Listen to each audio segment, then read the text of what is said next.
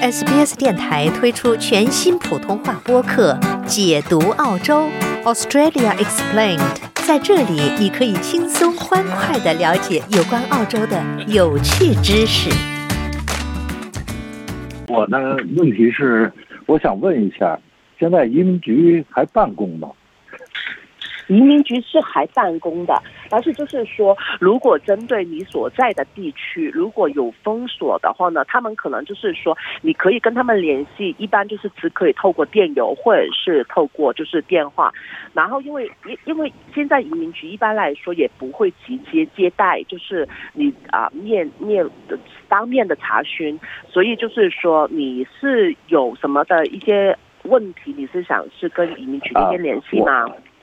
我是想问一下，呃，我儿子呀，呃，因为我在二零一一年申请的，就是那家庭最后一个成员那个团聚的这个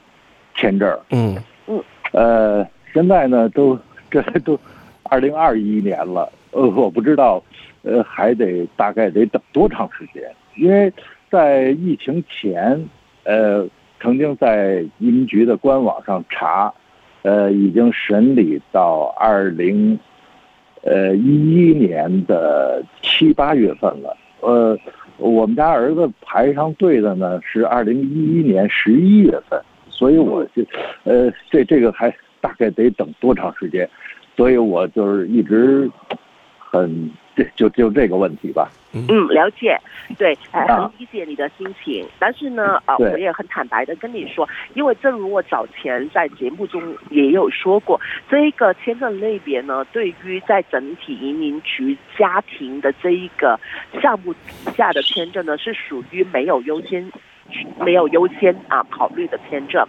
所以呢，其实就是说传统上来说，每一年分配给这一类型的签证的配额其实很少很少，所以你可能在现在就是在移民局官网上，你可以看到啊，现在已经审理到呃，距离我自己本身的申请的时间可能差几个月，但是它有可能实际上是耗几年的时间，或者甚至乎更长的时间去审理的。所以就是因为因为它配额很有限的一个原因，所以呢，你其实就是因为移民局官网公布，他们其实这一类型的签证，它可以用上五十年的时间去审批，所以你我我可以给你的意见是，你一就是你第你第就是留意移民局这一个官网公布，他现在审批已经到什么时候去，你可以尝试跟他们联系，通过电话或电邮。但我也可以很坦白的跟你说，移民局是不会就这一些，就是我们叫做一个进程的申请进程的一个啊查询的回答的。但是一般来看来说，你打电话去，他们跟你说是哦，那你就等待等待着吧，你等待着你的你的那个个案经理，就是那个就跟你联系吧。他们一般给你的回复都是这样。但是呢，我会觉得。你也无妨试试，如果是想知道大概的情况的话，你无妨试试打他的那个热线的电话。然后呢，如果你当初是有一个就是批，因为你正常来说，他递交了申请以后，他会有一个确认信，然后相关会有一些电子邮件来往。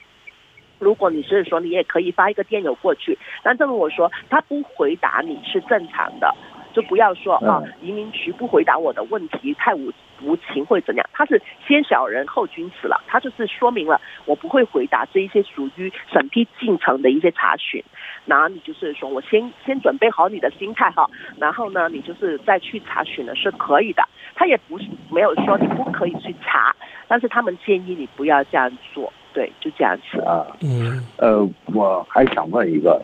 就是说，按现在已经申请了这个家庭最后成员的团聚，呃，我还有没有其他的方式方法叫他到澳洲来呢？嗯，其实来说，就是要看他的个人的情况，因为除了，因为如果他年纪已经是，诶，你我可以了解一下你，你你小孩他现在几岁呢？呃，三十了。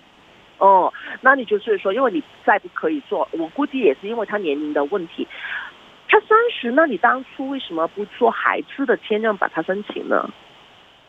啊，我们不不要说回之前，对对对。那前儿，呃，他已经是二二零一一年已经二十一岁了嘛。他在这边上完高中回国以后，完了我们申请的 PR，因为那边他年龄已经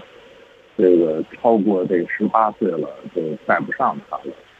诶，OK，我这样说吧，就是我不，我不，我我我收回我刚才的那个说话，因为已经发生了，我们也不好说，不要让他让你觉得懊悔。然后呢，就是说按现在这样子来说，我们整体是这样子说吧，就是要看你小孩他本身自己的那个学历了、英语能力了、工作经验各方面，其实就是说他要不就是找普通的技术移民类，有可能就是看你们家庭是在哪一个城市，然后决定是否。可以做一个家庭的一个担保类的啊，家庭担保的一个普通技术移民类四九一的一个签证申请，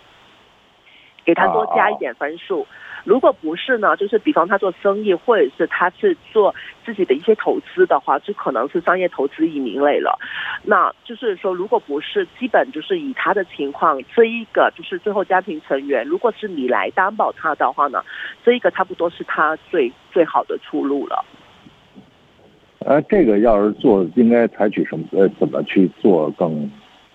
你是说呃，普通技术移民类，这一些就要看他个人是否就是有学，就是那个学历、工作经验有否达到就是移民局这一边的一些啊指定的一些工种的要求，然后他是通过一个计算分数的一个程序，然后呢，就是移民局邀请你去递交签证申请的。所以就是这个就要看，就是整体看一看他读的是什么，工作是什么，然后就是看一看现在移民局现在我们啊手上最最最就是这这一段时间当下我们需要一些什么的专才，然后是否可以配得上？对，好的，好，谢谢两位，好，我们节目马上就要结束了，好。想在 SBS 当一回影评人吗？SBS On Demand 正在推送配有中文字幕的热门影视作品。您只需观看一部或以上影视作品，并把影评观后感发给我们，就有机会赢得一份 SBS 精美礼品。